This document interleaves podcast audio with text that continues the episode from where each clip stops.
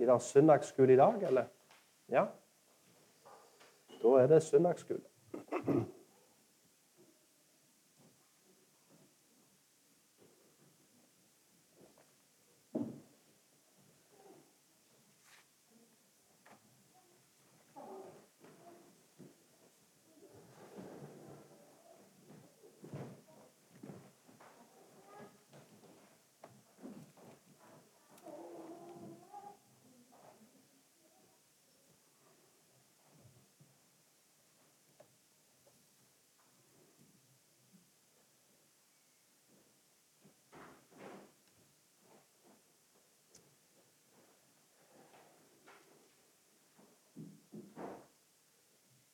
Talen i dag får vi fra Romerne 5. Romerne 5 fra vers 1 til 11. Vi beveger oss sakte og sikkert gjennom romerbrevet, som dere ser. Um, og I dag skal vi prøve å ta halve kapittel 5. Som dere ser i heftene deres, så har jeg satt som en tittel for denne talen 'Hvor sikker er frelsen? Hvor sikker er frelsen? I det forrige kapittelet så har, vi, har det blitt gjort klart at vi blir rettferdiggjort av tro alene, uten lovgjerning.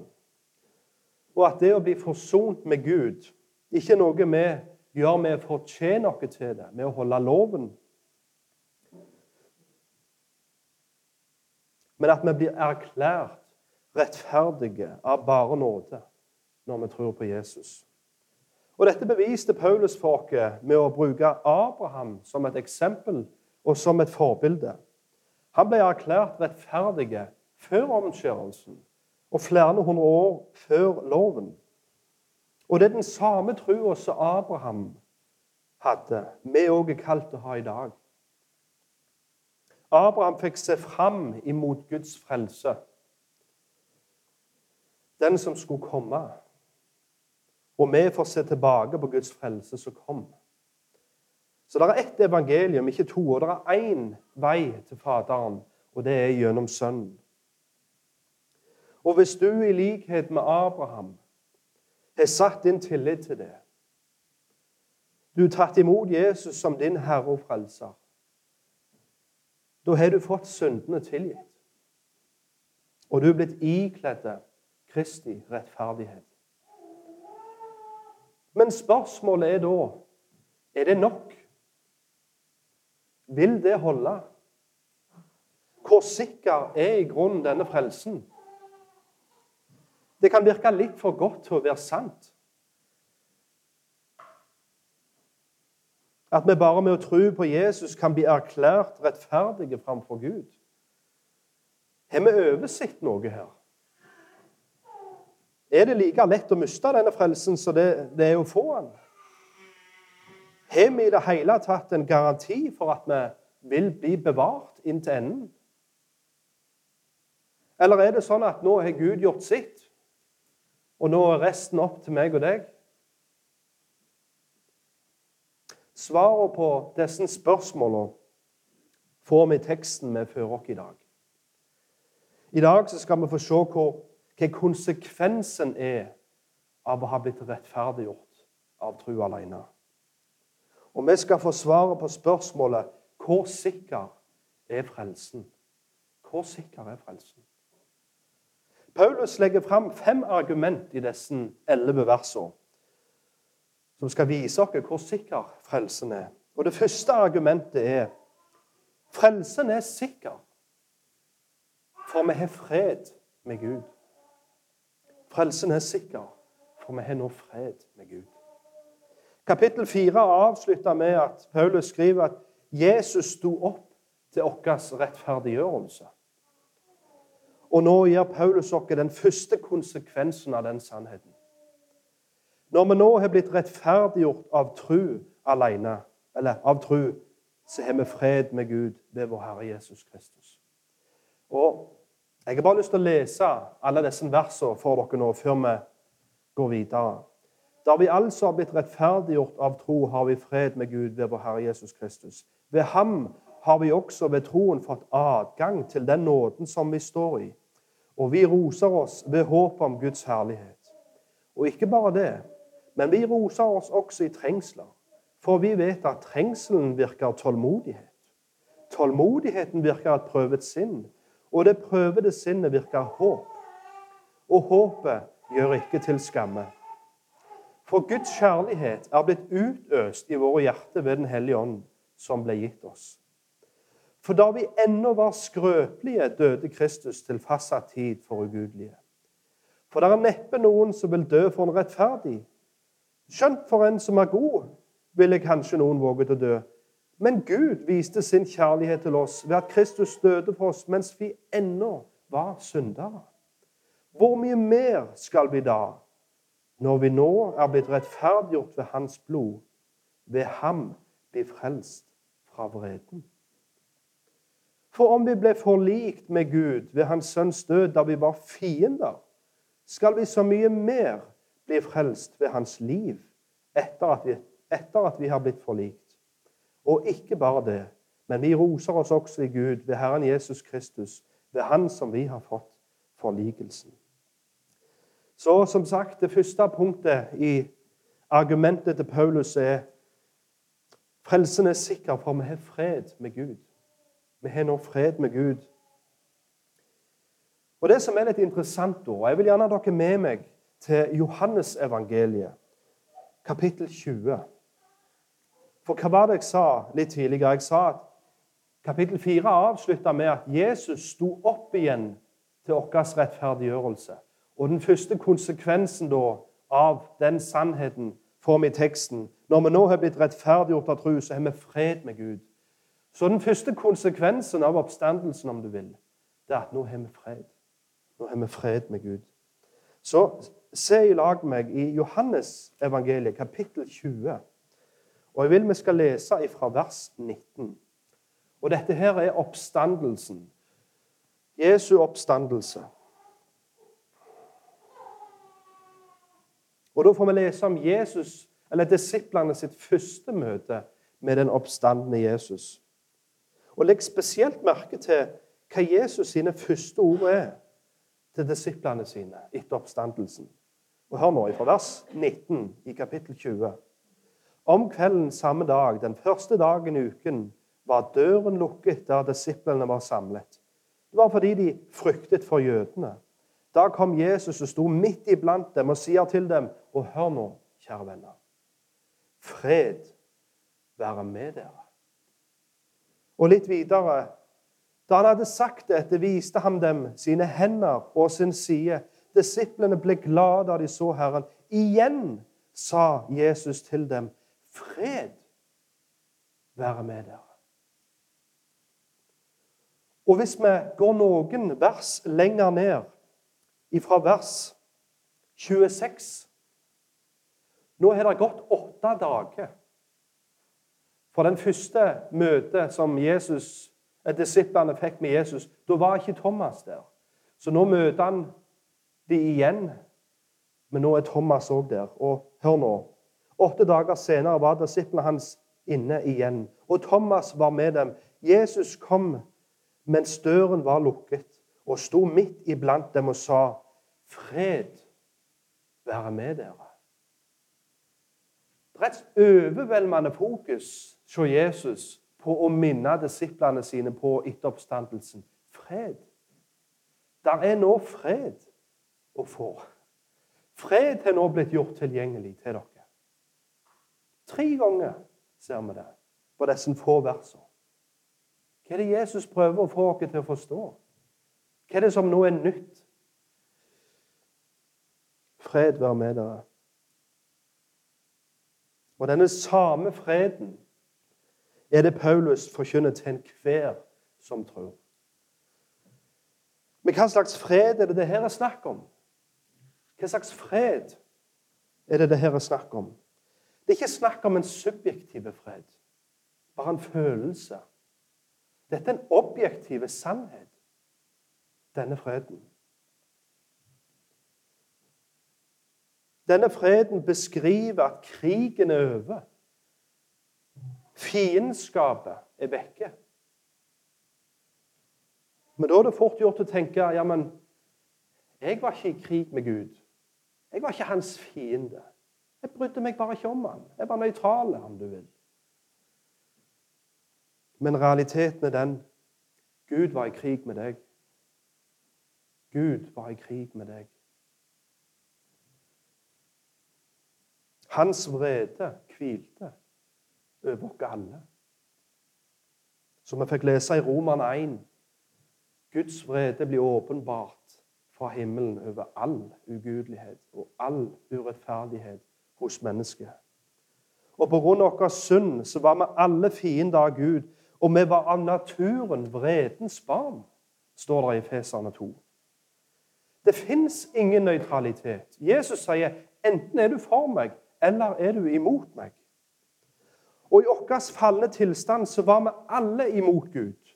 Vi levde alle i opprør imot himmelens og jordens skaper. Og i Salmene 7, eller Salme 7, vers 12 Vær gjerne med meg der. For der blir dette fiendskapet beskrevet med, med rustende ord. Dette fiendskapet.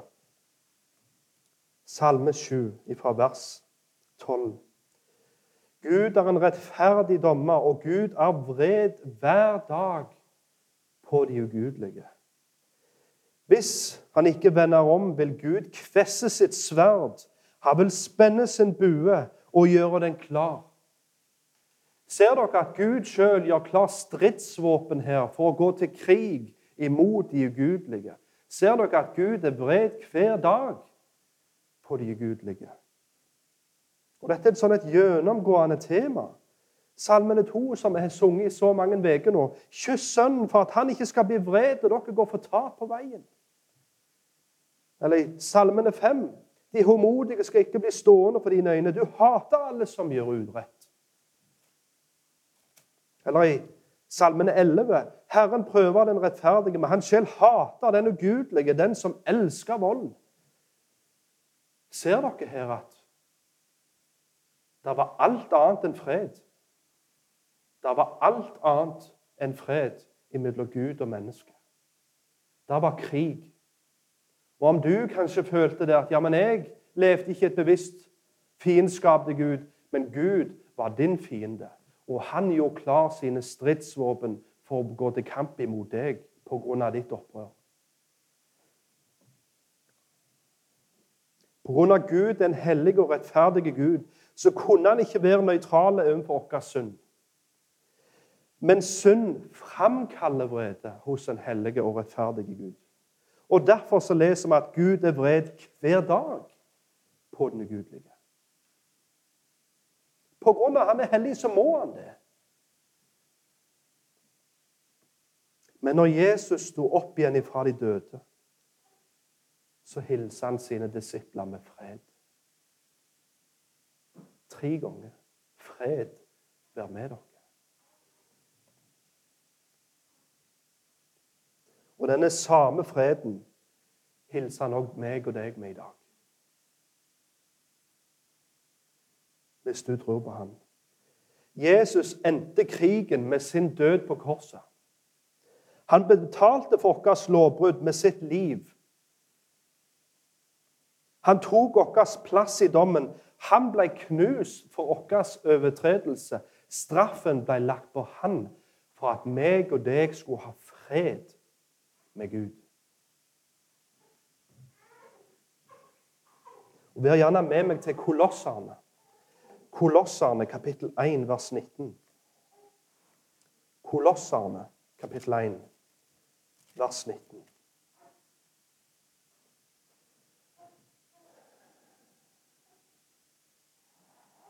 For det var etter Faderens velbehag at hele fylden skulle bo i ham, og ved ham forlike alle ting med seg selv, ved at han gjorde fred ved blodet på korset. Enten er de ting som er på jorden, eller de ting som er i himmelen. Og dere som før var fremmede og fiender av sinnelag i de onde gjerningene dere, har han nå forlikt i sitt kjøds legeme ved døden. For å framstille dere hellige og ulastelige og uklanderlige framfor seg selv. Han er vår fred.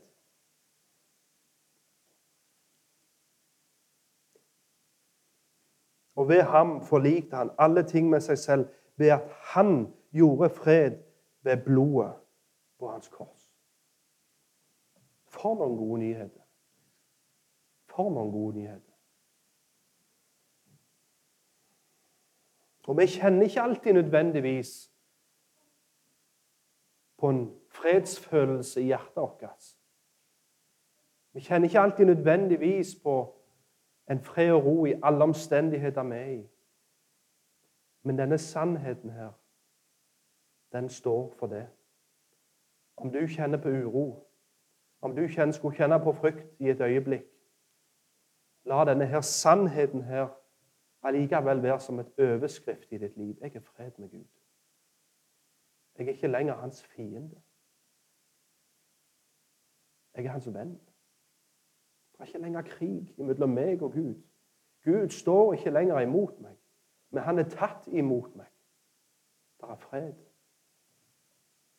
Så frelsen er sikker, kjære venner. For vi er ikke lenger hans fiender, men vi er hans venner. Vi har fred med Gud. Det neste argumentet til Paulus kom i vers 2 i teksten vår i Romerne.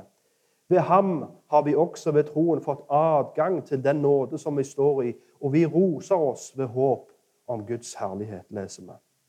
Det neste argumentet til Paulus er kalt 'Frelsen er sikker, for vi har nå adgang'. Frelsen er sikker, for vi har nå adgang til Gud. Som en konsekvens av synden så ble mennesket atskilt fra Guds nærvær, og de mista adgangen til Gud. Tenk dere tilbake til hagen. Da Adam og Eva når de synda, hva ble konsekvensen? Jo, de ble kasta ut fra hagen. Og det ble satt opp en engel med et flammende sverd som skilte mennesket ifra Gud. De fikk ikke lenger være i hans nærvær. Og den hendelsen der det forsyner den realiteten for oss alle. At vi alle var separert ifra Guds nærvær. Vi hadde ikke adgang til han noen av oss. Vi var atskilt ifra Gud. Vi hadde ikke adgang. Vi kunne ikke komme til Han på grunn av vår synd og i vår synd. Og videre, Sinai-fjellet, når Gud kommer ned Det var ikke sånn at de bare kunne springe opp og møte ham. Nei, det var en separasjon der. Eller tempelet. Det aller helligste i tempelet, så var det et forheng. Og på dette forhenget så var det innbrodert to engler. Bare for å minne de samme englene som sto imellom Adam og Eva og Gud i hagen, de står fortsatt imellom meg og hele menneskeheten. Det er fortsatt stengt og på paktsarken så var det òg engler som sto og dekte over for å si det er ikke adgang. Det er stengt. Her er det ingen som får komme. En gang i året så fikk det komme en prest inn i det aller helligste. Og Da bandt de ofte et tau til foten hans, og bjelle hadde han på seg.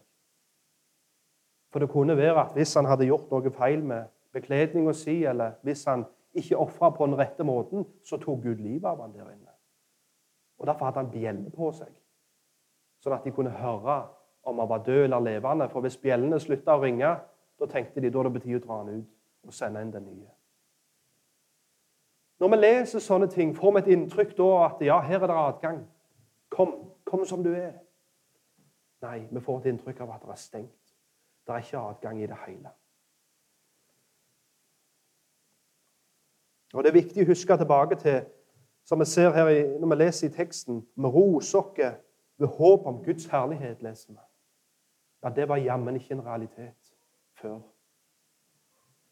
Når han tenker på Guds nærvær eller Guds herlighet, så var ikke nødvendigvis det noe folk i Gamle testamentet rosa seg over eller gleda seg over.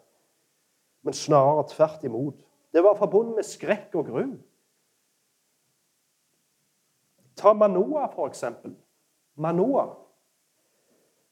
I Dommerne 13, 22 kan vi lese om han. Far av Samson. Når Herren kommer ned og forkynner dette budskapet til han om at han skal bli far til denne her Samson, og hva for et oppdrag og fantastiske rolle han skal spille, hva er responsen til Manoa? Jo, han springer til kona si etterpå og sier 'Jeg kommer til å dø'. Hvorfor da, sier kona. 'Jeg har sett Gud'. Guds nærvær. Jeg var i Guds nærvær. Jeg kommer til å dø. Eller med Sina i fjellet, som jeg nevnte tidligere. Når Herrens herlighet kom ned, hva var det de fikk beskjed om? 'Kom til meg! Spring opp! Her er jeg!' Nei, ikke rør dere i nærheten av dette fjellet. Og hvis det kommer et dyr i nærheten av dette fjellet, hvis de beveger seg over den grensa, så skal de dø. Det er ikke adgang til Guds herlighet. Og når Moses hadde lyst til å se Gud, så la meg få se deg. Ja, jeg skal sette deg der i kløfta, og jeg skal passere forbi deg, og du skal få se litt av ryggen min. Så nei, Herrens herlighet var ikke noen roste seg over og nødvendigvis forbandt med noe godt, men det blir ofte forbundet med noe grusomt. Noe fryktinngytende. Ta sønnene av Aron, f.eks. De var innviet til prestetjenesten, og nå skulle de ha sin første dag der de skulle komme fram og ofre for Herren. De ser at Herrens herlighet kommer ned i all ungdomsiver. Så hiver de røkelse oppi bålpannen og springer framfor Gud. Og de blir fortært av Herrens herlighet. Ild kommer ut ifra Herren og fortærer dem.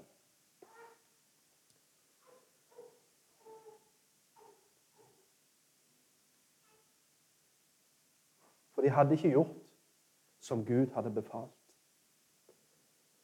Men hva er det teksten vår sier? Ved ham har vi også ved troen fått adgang. Ved ham har vi ved troen fått adgang til den nåden som vi står i.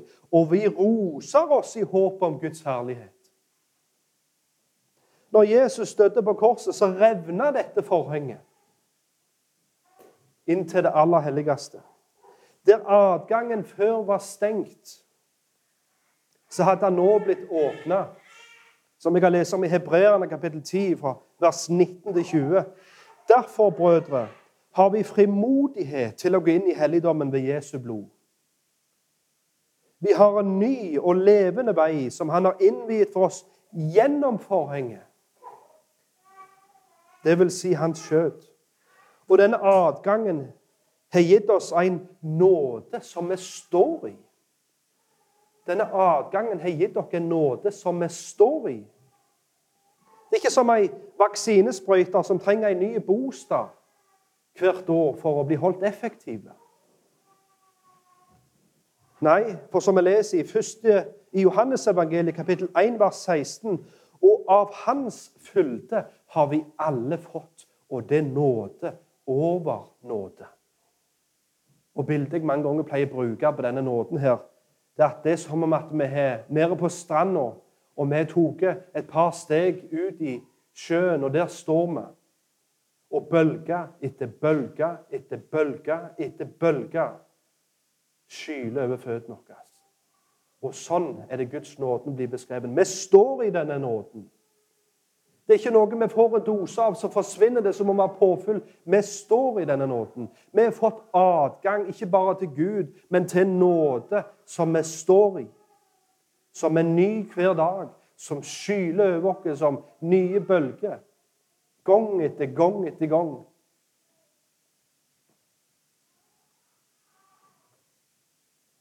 Og Guds herlighet, som før var forbundet med frykt og redsel, har nå blitt en glede noe som vi roser i, og noe som har satt vårt håp til. For som Jesus ber i sin ypperste prestelige bønn i Johannesevangeliet 17, vers 24 Far, jeg vil at de som du har gitt meg, skal være hos meg der jeg er, og at de skal se min herlighet, den som du har gitt meg. Før så var det ingen som kunne se Herrens herlighet og leve. Men nå er det Guds egen bønn. Jeg vil de skal se min herlighet. Og jeg vil de skal leve. Og mer enn det, jeg vil de skal leve evig og se min herlighet. Og så det står i 1. Johannes brev, kapittel 3, vers 2. Når han blir åpenbart, skal vi bli lik ham. For vi skal se ham som han er. Ikke bare skal vi få skue inn i hans herlighet uten å miste livet, men vi skal få ta del i den herligheten. Og hver den som har dette håpet til ham, renser seg selv like som han er ren. Og Det er en veldig interessant eh, tekst i 2. Korinterne, kapittel 3, som jeg vil gjerne ta dere med til nå. 2. Korinterne, kapittel 3. Og her beskrives herligheten i den nye pakt. Og Jeg vil bare lese fra vers 7 til og med vers 18. Dette er en fantastisk tekst. Og Husk hva vi snakker om nå. Vi snakker om en herlighet som i Gamle testamentet var fryktinngytende, noe som mennesket ikke hadde adgang til, noe som forsynte separasjon. Men nå i Nytestamentet så beskrives herligheten som større, bedre, men nå får vi se, skue inn igjen. Nå har vi direkte adgang. Og Ikke bare skal vi få se Herrens herlighet, men vi skal få ta del i han sjøl. Så vær gjerne med meg og les denne her nå. Men dersom dødens tjeneste i, i bokstaver inngravert på steiner var herlig, slik at Israels barn ikke kunne se direkte på ansiktet til Moses pga. hans åsyns herlighet, som var en herlighet som ble borte. Altså Moses, etter han hadde vært oppe på fjellet og sett, fått vært i nærheten av Gud, så kom han ned, og så lyste fjeset hans. Det strålte. Bare pga. at han hadde vært i nærheten av, av Gud. Og Derfor så la Moses et pledd på hodet etterpå. For Han ville ikke at israelsfolket skulle se at herligheten forsvant. Hvor mye rikere på herlighet skal ikke da åndens tjeneste være? For dersom fordømmelsens tjeneste har herlighet, så skal rettferdighetens tjeneste så mye mer overgå den i herlighet. For det som slik delvis ble herliggjort, har nå ingen herlighet sammenlignet med den herligheten som er så mye mer overveldende. For om det som forsvinner, hadde herlighet, da skal så mye mer det som forblir, ha herlighet. Da vi altså har et slikt håp, taler vi med frimodighet. Vi gjør ikke som Moses, som la et dekke over ansiktet sitt, slik at Israels barn ikke skulle se slutten på det som forsvant. Men deres sinn ble forherdet. For til denne dag blir det samme dekket liggende under lesningen av den gamle pakt. For det er bare i Kristus at det blir tatt bort. Men helt til denne dag ligger et dekke over deres hjerte når Moses blir opplest. Men når de omvender seg til Herren, blir dekket tatt bort. Men Herren er ånd, og der Herrens ånd er, der er det frihet. Og hør nå, kjære venner. Men alle vi som med et utildekket ansikt ser Herrens herlighet, som i et speil blir forvandlet til det samme bildet, ifra herlighet til herlighet herlighet som av Herrens ånd. Så vi trenger ikke dekke til fjeset. Vi trenger ikke gjemme oss for Herrens herlighet. Vi er ikke på avstand, men vi har adgang. Direkte adgang. Ånden er tatt bolig i oss. Og nå skuer man som fjes til fjes. Når jødene leste loven, så var det som at de hadde pledd framfor hele fjeset, for de klarte ikke å se Kristus. Men vi har fått tatt vekk dette sløret, og vi får se Kristus. Fjes til fjes, som så var. Og vi blir forvandla fra ett nivå til herlighet til et annet. Fra herlighet til herlighet. Samtidig som vi står i denne nåden, som er nåde over nåde. For noen nyheter, kjære venner. For noen nyheter. Så på grunn av at vi nå har adgang til Gud, så er frelsen sikker. Det tredje argumentet får vi fra vers, 5, nei, vers 3 til 5a. Vers 3 til 5a. Og det har kalt 'Frelsen er sikker, for vi har håp i lidelse'. Frelsen er sikker, for vi har håp i lidelse. Og Vær gjerne med meg nå og les vers 3-5. Og ikke bare det, men vi roser oss også i trengsler, for vi vet at trengselen virker tålmodighet. Tålmodigheten virker et prøvet sinn, og det prøvede sinn virker håp. Og håpet gjør ikke til skamme. Alle mennesker i dette livet her møter lidelser og utfordringer. Men det er likevel en stor forskjell på hvordan kristen møter lidelser i forhold til en ikke-kristen. For de lidelsene en ikke-kristen møter, det er bare en forsmak på en evighet med lidelser i det neste livet.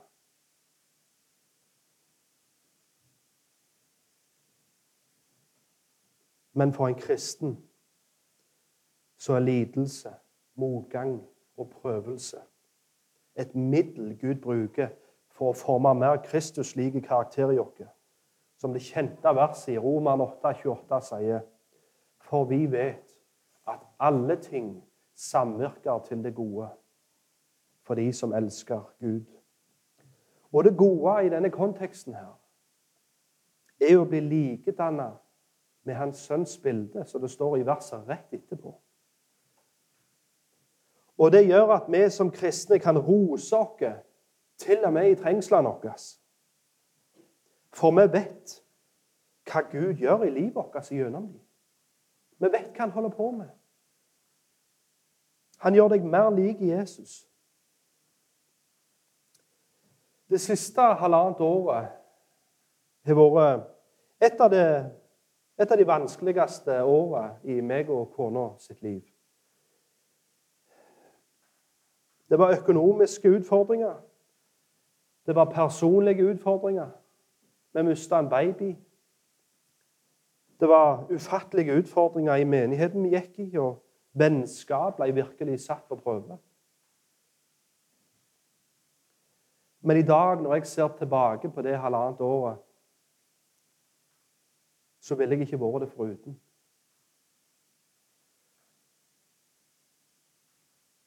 I dag så takker jeg Gud for de prøvelsene. For jeg ser at den trengselen virker tålmodighet. Og tålmodigheten virker et prøve sinn. Og det prøve sinnet virker håp. Det jeg med min menneskelige forstand skulle tro at førte meg lenger vekk fra Gud, har vist seg å gjøre det motsatte.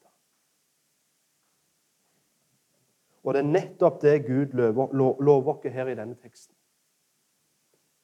Motgang og prøvelse er et middel Gud bruker for å få oss nærmere Han. Og mer lik Hans sønn. Som andre ord det vi skulle tro var i stand til å skille oss fra Guds kjærlighet, bruker faktisk Gud i vårt liv for å gjøre det motsatte. Få oss nærmere Han. Vær med meg til Romerne 8, vers 35-39. Roman 8, vers 35-39. Hvem kan skille oss ifra Kristi kjærlighet? Trengsel? Angst? Forfølgelse? Hungersnød? Nakenhet? Fare eller sverd? Som det står skrevet, for din skyld blir vi drept hele dagen lang. Vi blir regnet som slaktesauer. Men i alt dette skal vi mer enn seire ved Ham som elsket oss. For jeg er overbevist om at verken død eller liv, verken engler, myndigheter eller makter, verken det som nå er eller det som kommer, verken høyde eller dybde eller noen annen skapning skal være i stand til å skille oss ifra Guds kjærlighet den som er i Kristus Jesus. Glemte han noe i denne lista? Kom du på noe? Nei. Ingen annen skapning, og det inkluderer deg. Til og med du skal ikke klare å være en årsak til at du blir skilt ifra Kristi kjærlighet.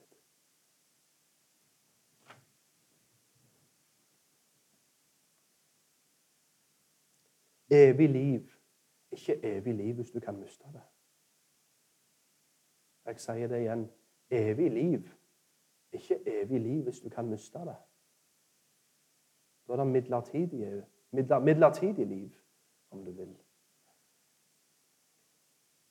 Vi er blitt frelst med et håp.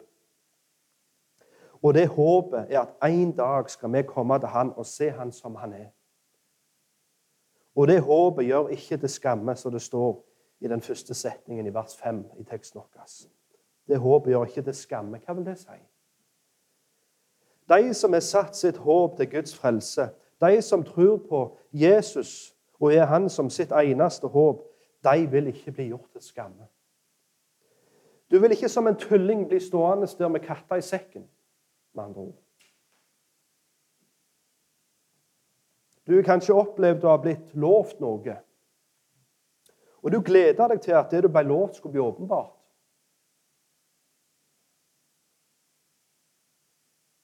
Men så viste det seg at det du ble lovt, var en løgn. Og nå står du der som en tulling. Du ble gjort til skamme. Løftet du fikk, håpet du hadde fått, det var bare noe tull. Og nå står du her latterliggjort. Tenk at du satte ditt håp til noe tull. Du hadde investert så mye i, i dette her, og så viste det seg at det holdt ikke. Så står andre rundt og smiler og ler av deg. De latterliggjør håpet ditt. Sånn er det ikke med dette håpet. De som har satt sitt håp til Kristus, vil ikke bli gjort til skamme. For han som har gitt deg dette håpet, det er den guden som ikke kan lyge. Og han har lovt deg at det verket han har begynt i deg, skal han fullføre. Og heldigvis for deg så er Gud mer opptatt av sin ære enn det du noen gang kommer til å klare å være. Og det vil gå utover Guds ære hvis han ikke klarer å fullføre det han har begynt på. Da vil folk stå og se. Se han. Jesus forteller meg lignelse om at ingen går i gang og bygger et tårn hvis han ikke vet om han klarer å gjøre det ferdig. For da vil han jo bli latterliggjort. Ingen går til krig før de har telt soldatene sine og vet at de har mer på sin side enn det fienden har. For da vil de jo bli latterliggjort. Tror du Gud gjør det samme med din frelse? Tror du han setter i gang et verk i deg uten å sette seg ned og vite om han faktisk klarer å fullføre det? Han er mer opptatt av sin ære enn det du noen gang kommer til å klare å være. Og takk Gud for det. Takk Gud for det. Han vil fullføre det verket han har begynt i deg. Han vil fullføre det verket han har begynt i deg. Så frelsen er sikker. For vi kan til og med ha håp i lidelser. Det som vi skulle tro skulle være i stand til å skille oss fra hans kjærlighet, til og med det gir oss en grunn til å glede oss. For vi vet at gjennom lidelser, prøvelser og forfølgelser så får man mer Kristus-like karakter i meg og drar meg nærmere til seg sjøl. Hvis gull må bli lutra i ild for virkelig å bli nydelig, hvor mye mer da er det ikke de tror? Hvor mye mer dyrebar er ikke den?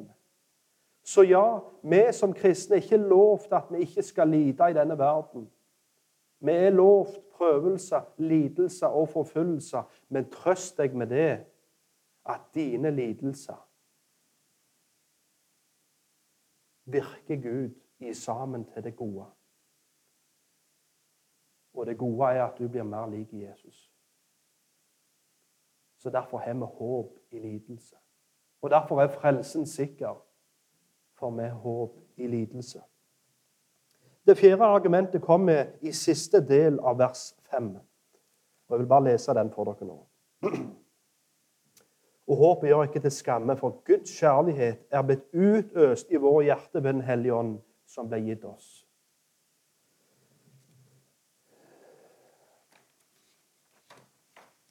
Grunnen for at vi ikke vil bli gjort til skamme når vi satte deres håp til Jesus, er for at Guds kjærlighet har blitt utøst i vårt hjerte ved Den hellige ånd. Med andre ord vårt håp vil ikke bli gjort til skamme.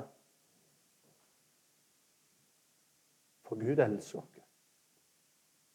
Gud elsker oss. Og han har bevist at han elsker oss, ikke bare med å sende sin sønn for å dø på korset, men med at han ga oss sin hellige ånd. Men kan ikke Den hellige ånd komme og gå litt, sånn som han gjorde i Gammeltestamentet?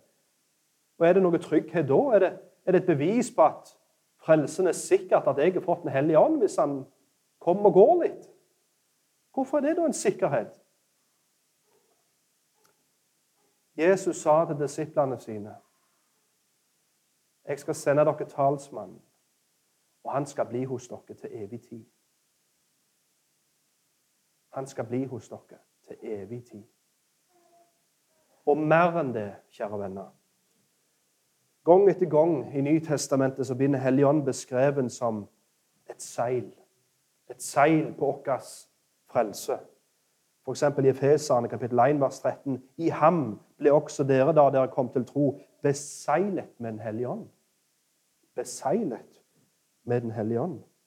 Og for å forstå hvor fantastisk det er, så må man få litt bakgrunnshistorie om hva det vil si at du setter et seil på noe. Og Jeg vil gjerne ta dere med til Daniel i løvehulen, som dere sikkert kjenner til, både små og store. Daniel i løvehulen, kapittel 6, fra vers 17.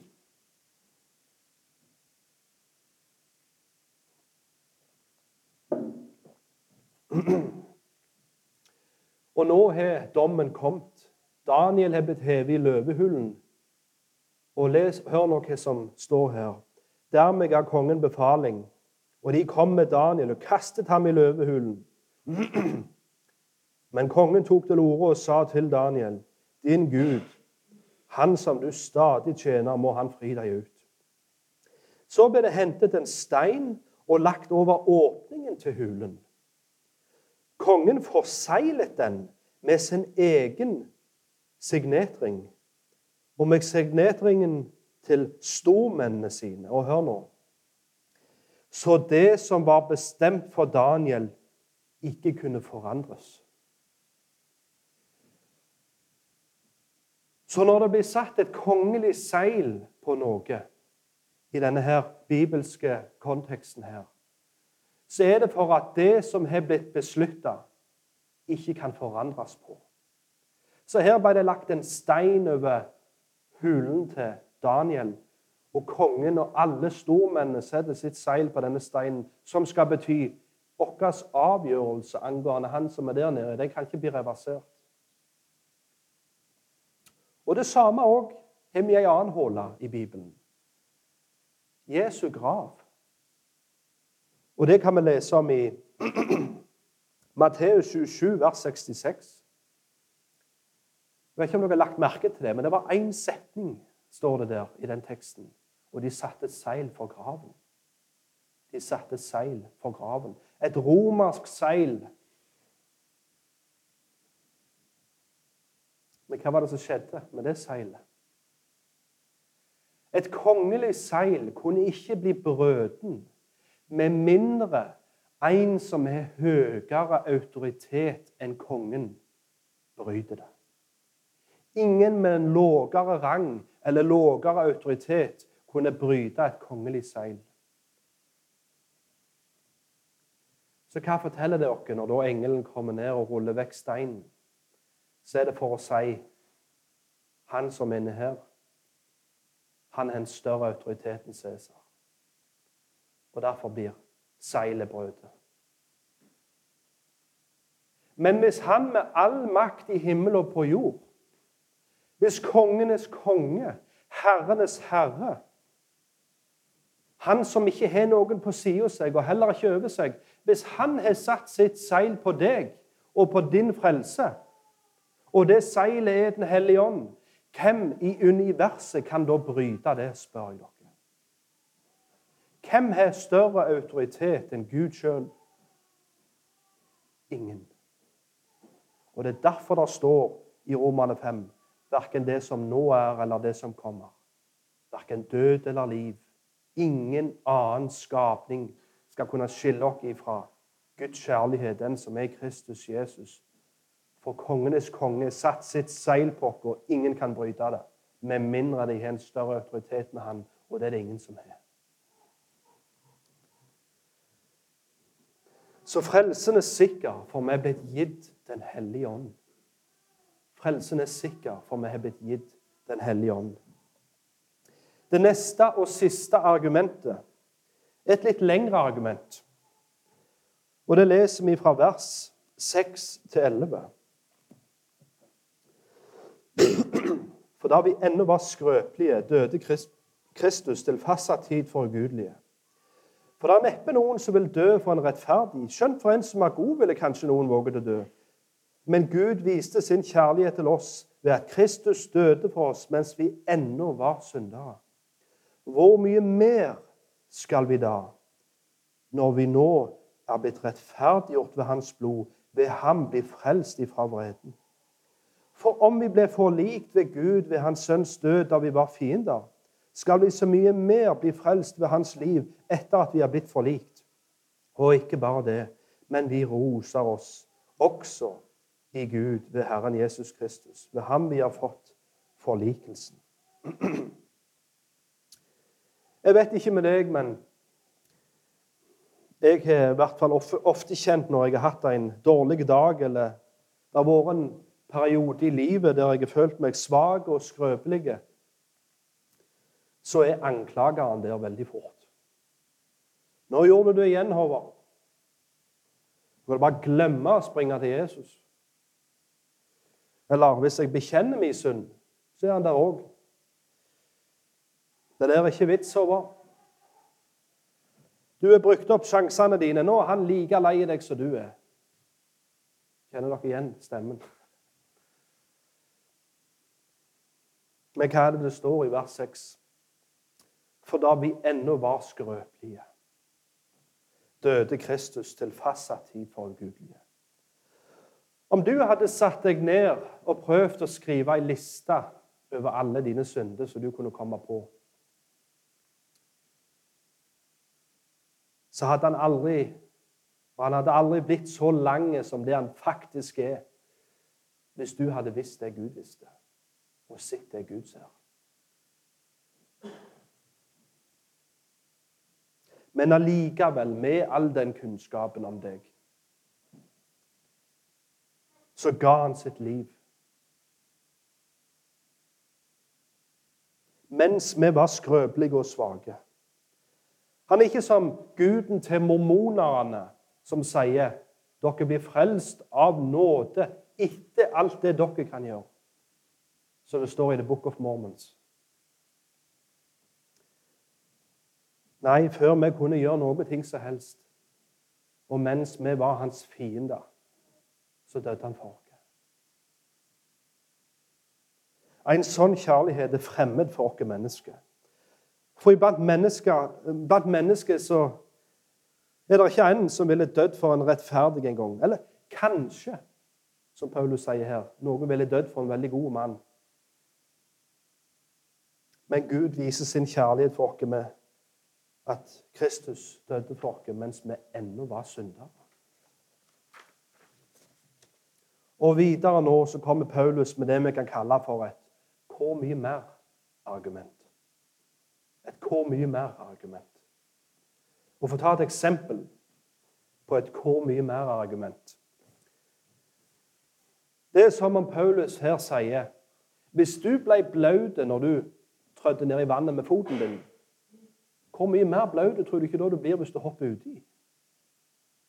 Sånn går et 'hvor mye mer'-argument. Og Fra vers 8 så leser vi men Gud viser sin kjærlighet til oss med at Kristus døde for oss mens vi ennå var syndere. Hvor mye mer skal vi da, når vi nå er blitt rettferdiggjort ved Hans blod, ved Ham bli frelst fra vreden? For om vi ble forlikt med Gud ved Hans sønns død da vi var fiender, skal vi så mye mer bli frelst med Hans liv etter at vi er blitt forlikt. Argumentet til Paulus går noe sånn som dette her. Hvis Gud ga det mest dyrebare han hadde, til oss når vi var hans fiender, hvor mye mer vil han ikke nå velsigne oss nå når vi er blitt hans venner? Ser dere den? Når vi var Guds fiender, så forlikte Kristus oss med Gud gjennom sin død.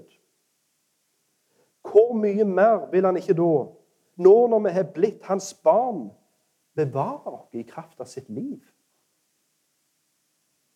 Hvis hans død førte til frelse, hvor mye mer vil ikke da hans liv føre til bevarelse?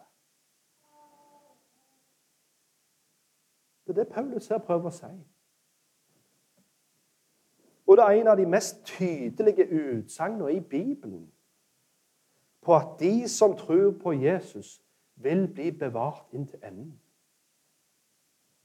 Hvis han ga det mest dyrebare han hadde til oss når vi var hans fiender, hvor mye mer vil han ikke nå fortsette å gi oss nå når vi er blitt hans venner?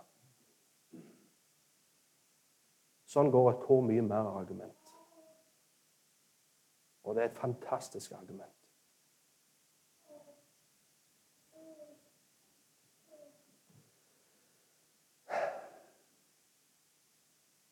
Og i lys av den sannheten så er det ikke noe annet mer igjen å si enn som Paulus avslutter med i vers 11. La oss ro, oss i Gud ved Herren Jesus Kristus. På grunn av Jesus så har vi dette håpet. Og på grunn av Jesus så har vi ikke bare blitt frelst, men vi kan være trygge på at vi vil bli bevart. På grunn av at han døde, så ble vi frelst. Og på grunn av at han sto opp igjen og lever, så vil vi bli bevart. Så hva er da svaret på spørsmålet jeg stilte i begynnelsen av talen?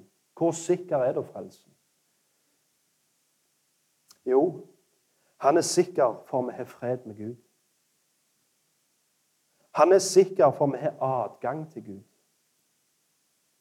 Han er sikker for vi har håp i lidelse. Han er sikker for vi har fått Den hellige ånd. Og kjære venner, han er sikker for Jesus lever. Jesus lever. Kjære himmelske Far, takk for at du sendte din sønn og døde for oss mens vi ennå var dine fiender. Hvor mye mer vil du ikke da gi oss nå når vi er blitt dine venner? Og hvor mye mer vil vi ikke nå bli frelst ifra den kommende vrede på grunn av Nå, nå lever han for oss. Så han kunne frelse oss med sin død, så vil han bevare oss med sitt liv, som det står.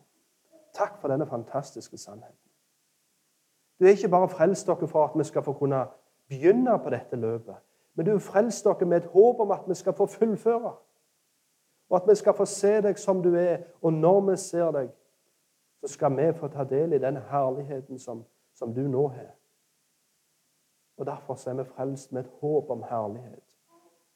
Og takk, kjære Jesus. Jeg ber, Herre, om at disse sannhetene og disse trøstens ord ikke må perle av ditt folk, men at de må gjemme det i sitt hjerte. At de må hvile i at Men nå har fred med deg. For noen dyrebare sannheter. Og nå ønsker vi, Herre, å lovsynge ditt navn i lys av disse sannhetene. Amen. La oss synge en sang.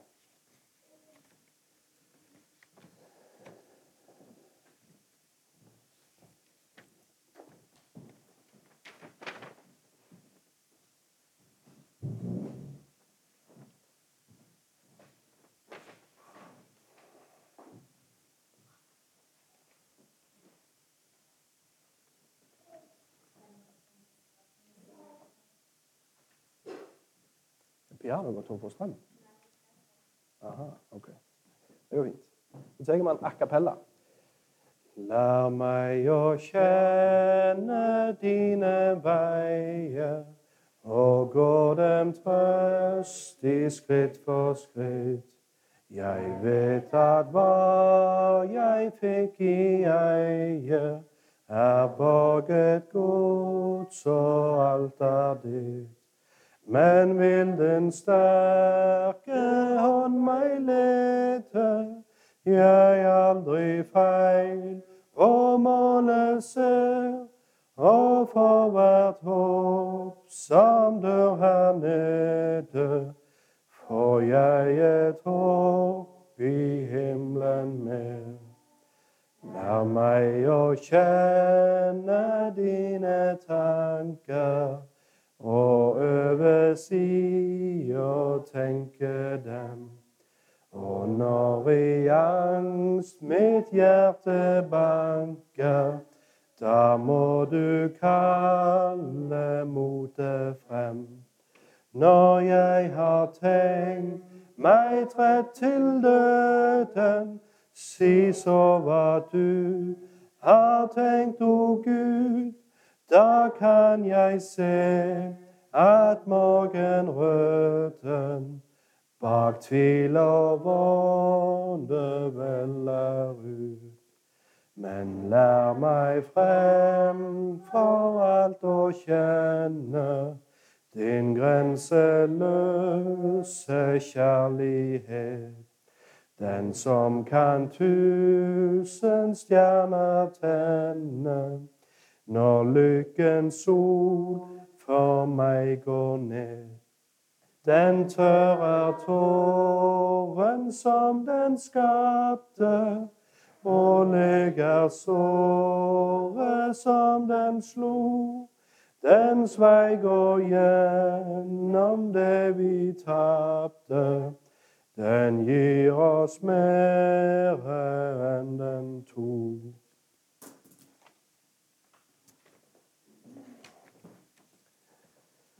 Mens vi da ennå står, la oss avslutte med doksologien. Pris ham som all velsigning gir. Pris ham som var her og forblir. Pris ham alle folk, ja, kom. Pris Fader, Sønn og Hellig Ånd. Amen. Gå i fred og tjen Herren med glede.